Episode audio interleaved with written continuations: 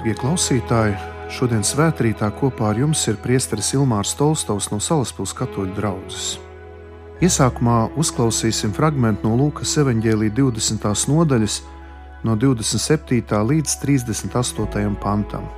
Tajā laikā pie Jēzus piegāja daži no saducējiem, kuri noliedz augšām celšanos, un viņam jautāja sacīdami: Mācītāji, Mūzus mums ir uzrakstījis, ja kādam nomirst brālis, kam ir sieva, bet nav bērnu, tad lai to par sievu ņem viņa brālis un rada savam brālim pēcnācējus. Tā bija septiņi brāļi. Pirmais apņēma sievu un nomira bez bērniem. Arī otrais un trešais viņu aprecēja, un tāpat visi septiņi un neatstājuši bērnus nomira. Beidzot, nomira arī sieviete. Tad no augšām ceļoties, kuram no viņiem šī sieviete būs sieva? Jo viņa taču visiem septiņiem bija sieva. Un Jēzus viņiem atbildēja: Šīs pasaules bērni precas un iziet pie vīra. Bet tie, kas tiks atzīti par augšām celšanās un nākamās pasaules cienīgiem, nec precēsies, nec sievas ņems.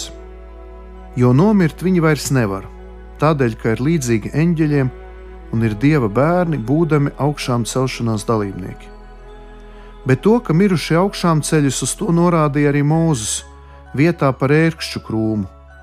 Tā kā kungu viņš nosauc par Ābrahama dievu, un Īzaka dievu un Jēkaba dievu. Un viņš nav mirušo, bet dzīvo dievs, jo visi viņam dzīvo. Tie ir svēto rakstu vārdi.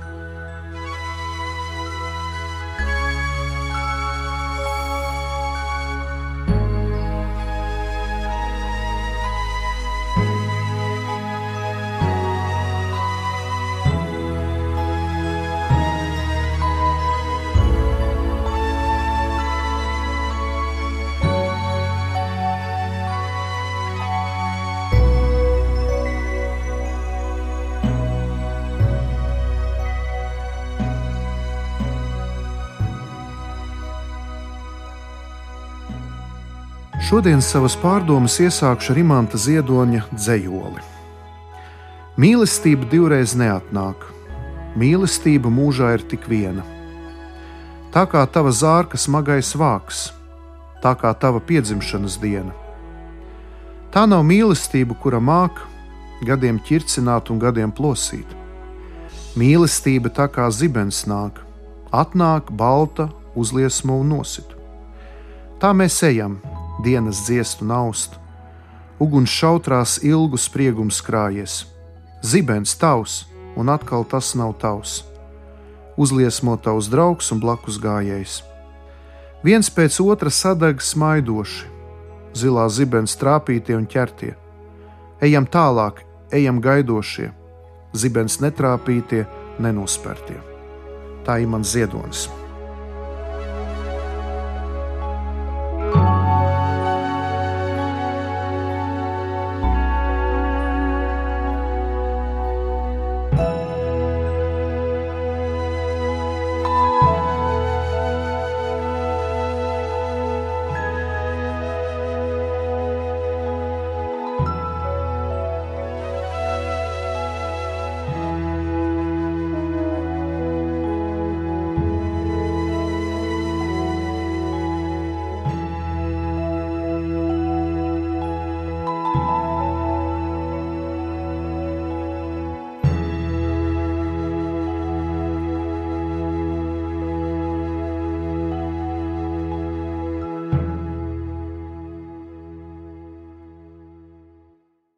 Šodienas evanģēlijā aplūkotā epizode norisinās Jeruzalemē, Jēzus darbības trešajā gadā, pēc pūpolsvētdienas.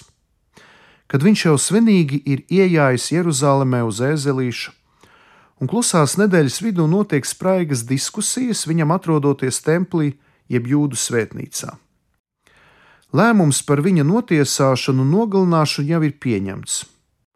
Pharizēja rakstu mācītāji, jūdu tautas svarīgākās amatpersonas Turīgie, ja biezie un ietekmīgie ļaudis un citi sabiedrības dažādu slāņu pārstāvji jau vīpsnā par Jēzus darbībām, jo viņi skaidri zina, ka viņa liktenis jau ir izlemts. Tādēļ Lūkas evanģēlīja 20. nodaļā minētie disputi ir sava veida ņirgāšanās par viņu un mēģinājums iegūt daudz pārliecinošākus argumentus viņa notiesāšanai un nogalināšanai. Jēzus, protams, dod ļoti skaidrs un saprotams atbildes. Tad pēkšņi pie Jēzus pienāk saduķēji. Savas dzīves laikā Jēzus bija populāra persona, kuram sekoja daudz cilvēku. Pie viņa gāja dažādu slāņu un uzskatu cilvēki. Nevienu no tiem viņš neatraidīja, bet gan drosmīgi veidoja dialogu ar tiem. Daudz ar viņu vēlējās padiskutēt. Tādi bija arī saduķēji. Kas ir saduķēji? To sauc par kāda augstpriestera sadoka ļaudīm. Šis sadoks savus pienākumus pildīja Dāvida un Salamona laikos. Šie sadoķieši bija pilnībā helenizējušies jūdi. Helenizējušies tas nozīmē um, tādi kā grieķiskojušies, kļuvuši par grieķu filozofijas pārstāvjiem, jeb tādiem ietekmētiem un Kristus laikos viņi bija spēcīga organizēta jūdu grupa. Skaitliski viņi bija mazāka grupa par farizējiem, jo viņu vidū bija lielākoties bagāti cilvēki. Sākotnēji viņi bija galvenie Hasmonēju dinastijas atbalstītāji un ar lielu naidu izturējās pret farizējiem. Tad, kad Salomeja Aleksandra vēlāk pievērsās farizējiem, saduķēji bija spiesti noiet ēnā, bet romiešu prokurātoru laikos viņi atkal atguva augstākās vietas Sanhedrīnā. Jūdu vēsturnieks Jozefs Flāvijs saduķējus raksturo kā valdošai šķirai pietuvinātus un tautai netīkamus cilvēkus.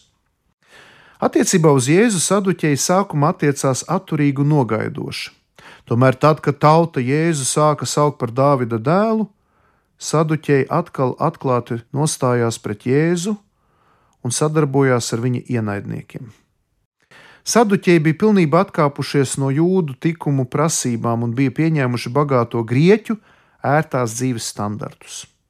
Vienkāršot var teikt, ka farizēji vairāk bija nacionālisti, savukārt saduķēji bija materiālisti un ērtas dzīves baudītāji. Nu, lūk, tātad daži no saduķējiem pienāk pie Jēzus, lai viņi parunātos. Tekstā ir svarīga piezīme, viņa noliedz mirušu augšām celšanos. Saduķēji atzīst tikai Toru, ja pirmās piecas mūzes grāmatas, kur par mirušu augšām celšanos praktiski nav nekādu atsauču. Vecajā derībā ideja par mirušu augšām celšanos attīstījās pakāpeniski. Īpaši šī doma attīstījās vēlīnajā gudrības literatūrā un pie praviešiem. Nu, lūk, un saduķi ir atraduši vecajā derībā, 5. mūzes grāmatā, 25. nodaļā, 5. pantā, tā saucamo Levijārata likumu, kurš nosaka, ka Citēju: Ja brāļi kopā dzīvo un viens no viņiem nomirst, un tam dēla nav, tad tā mirušā sieva, lai nekļūst par sievu kādam citam svešam vīram, bet lai viņas vīra brālis iet pie viņas un ņem viņu par sievu, un tā ir dara, kas vīra brālim pienāks. Un pirmzimtajam, ko viņa dzemdēs, viņam būs dots sava nomirušā brāļa vārdu, lai tā vārds netop izdzēsts no Izraēla vidus. Citāta beigas. Šī likuma mērķis bija saglabāt mantojumu dzimtas ietvaros, un saistībā ar vīriešu līniju dzimtā nodrošināt, ka mantojums netiek izsaimniekots. Vēlāk gan šis likums tika mainīts, pieļaujot arī sieviešu iesaistīšanos šajā līnijā, un 4. mūzes grāmatā 27. nodaļā ir teikts, bet Izraēļa bērniem saka un pavēli, ik viens vīrs, kas nomirst un neatstāja dēlu, lai savu mantojumu daļu atstāja savai meitai. Tātad saduķēji šo fragment izraudzīja, lai kā pamatotu savu neticību, ka mirušie varētu augšām celties.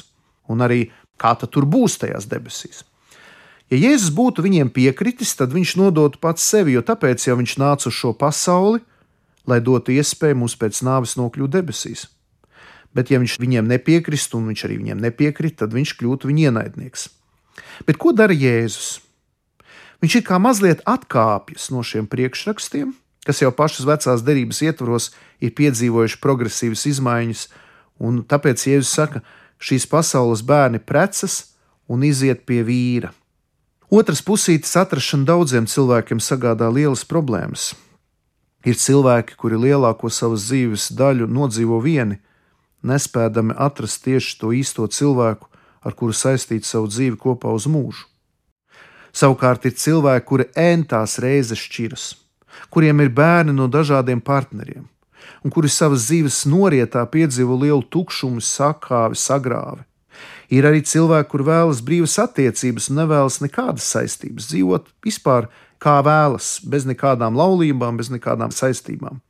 Šāds dzīvesveids un modelis mūsdienu sekularizētajā sabiedrībā kļūst aizvien populārāks. Mēs dzīvojam samērā brīvā un pluralistiskā daudz viedokļu sabiedrībā.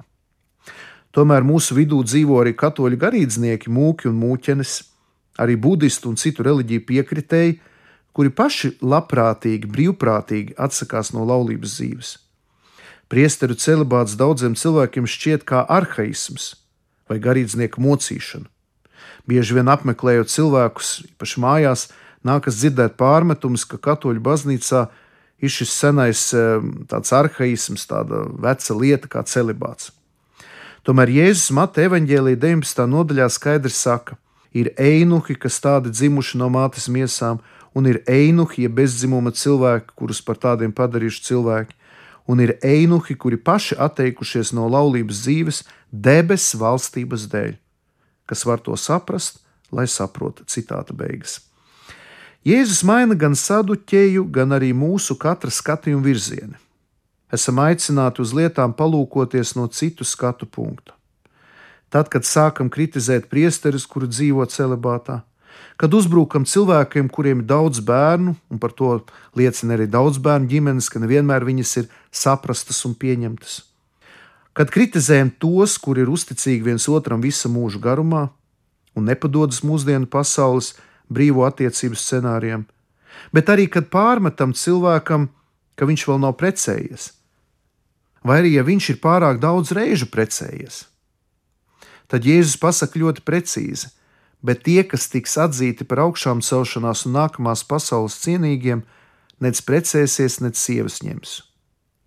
Mēs dzīvojam laikmetā, kad raisās ļoti daudz diskusijas par ģimenes jēdzienu nostiprināšanu Latvijas Republikas atversmē kad virmo dažādi viedokļi, kādam ir jābūt ģimenes modelim, tādam vai citādam. Arī saduķē Jēzum piedāvā vienu no sarežģītiem kāzusiem, jautājot, kā tad tur būs debesīs, kuram tad īsti tā sieva būs. Saduķēju versijā sanāk tāds daudzvīrības modelis debesīs. Tomēr Jēzus pasaka ļoti konkrēti un skaidri: mūsu mērķis ir debesis, un šī pasaule ir ļoti pārējoša parādība. Ir svarīgi, lai cilvēks būtu kopā ar otru cilvēku Dieva svētītā laulībā. Un Dievs to ir vēlējies, lai laulība būtu savienība starp vīrieti un sievieti. Un Dievs vēlas, lai cilvēks nešķirtos, jo Dieva vārdā ir skaidri pateikts, ko Dievs ir savienojis, to cilvēkam nebūs šķirt. Tomēr ne visi to spēj īstenot. Cilvēks ir vājš un grēcīgs. Laulībā ir divi partneri, kuri nav vienādi. Katram ir savs raksturs, vājības, ticības vai neticības pieredze. Jēzus vēlas pateikt, ka mēs esam aicināti augt, nestāvēt uz vietas, un apzināties, ka šīs zemes dzīve ir ļoti īsa. Mēs varam nomirt jebkurā brīdī, mēs varam nesagaidīt rītdienu. Katoliskā baznīca pirms dažām dienām svinēja mirušo piemiņas dienu. Evanģēliska Lutheriskā baznīca to darīs novembra beigās, svinot mūžības svētdienu. Novembris ir mēnesis, kad kokiem nokrīt lapas, viss kļūst tik tumšs, netīrs un pelēks, kails un nepievilcīgs. Tieši tādēļ ir svarīgi apzināties, kāda ir mana līdzšinējā dzīve un ko es varu mainīt savā ikdienas nesakārtotībā un haosā. Šī fragmenta noslēgumā Jēzus vēlas pateikt, ka mūsu Dievs, kuram ticam un kuram vēlamies sekot, nav mirušo, bet dzīvo Dievs. Dievā visi dzīvo un tieši tādēļ ir svarīgi savu dzīvi nodzīvot tā, lai pēc šīs zemes dzīves man nebūtu kauns par to. Katra diena, lai ir piepildīta ar daudzām izvēlēm. Ko izvēlēšos šodien? Sekot dieva nospraustajam plānam un mēģināšu savu dzīvi nodzīvot atbilstoši dieva gribai, vai tomēr izvēlēšos iet savu ceļu, kurš bieži vien ir piepildīts ar egoismu, tikai savu vēlmi piepildīšanu. Izvēle paliek manā ziņā, Jēzus savu izvēli izdarīja un par to samaksāja visdārgāko maksu. Viņš tika nogalināts, piesis krustā un mira par mūsu kļūdām, nepareizajām izvēlēm, ko mēs saucam par grēku. Tādējādi Jēzus nelocījās rakstu zinātāju, farizēju, saduķēju un arī šīs pasaules priekšā. Arī man ir dota izvēle iet savu ceļu, ceļu, kur man ir noteicis Dievs. Jā, tas nav viegls ceļš. Šis ceļš ir šaurs, bieži vien nērts, bet Bībele saka, ka plats un ērts ir ceļš uz elli. Atcaucoties uz šo pārdomu sākumā citēto imanta ziedoņa dzējoli, varam piekrist dzējniekam, ka tā mēs ejam - dienas dziest un aust. Tomēr mīlestība paliek un mīlestība, kuru dāvā Dievs, mūs aicina un iedvesmu izvēlēties Dievu un viņa noteikto ceļu, jo tas mums dod iespēju šo dzīvi nodzīvot pēc pilnas programmas, pēc dieva programmas. Pēc tam neko nenožēlojot un paliekot lielā pateicībā par visu. To arī gribu novēlēt mums katram. Mums katram ir savs dzīves ceļš, mums katram ir sava pieredze, ir bijušas varbūt sakāves, šķiršanās, varbūt daudziem no mums laulības ir izjukušas vai nesam piepildījuši savu aicinājumu, savas ilgas šajā dzīvē. Tomēr dzīvosim kopā ar Dievu katru dienu, jo mūsu Dievs nav mirušo, bet gan dzīvo Dievs, un Dievā visu dzīvo. Dievs arī spēja mūsu dzīvi mainīt jebkurā brīdī. Pat ja šobrīd liekas, ka nekas mūsu dzīvē nav noticis, nekas nav bijis piepildīts, tas viss var mainīties vienā mirklī. Jā, varbūt arī šajā svētdienas rītā, kad esam pamodušies, kad esam ieslēguši Latvijas rādio un klausamies šīs īsās rīta pārdomas. Tāpēc uzticēsimies Dievam un ļausim viņam mūs pārveidot un zinām, ka Dievs ir visu līko līniju iztaisnotājs. Viņš var visas mūsu salauztās rētas, visus mūsu ievainojumus dziedināt. To arī vēlos novēlēt, un mēs varam visi kopā palūkties to lūgšanu, kuru mums ir mācījis Jēzus Kristus.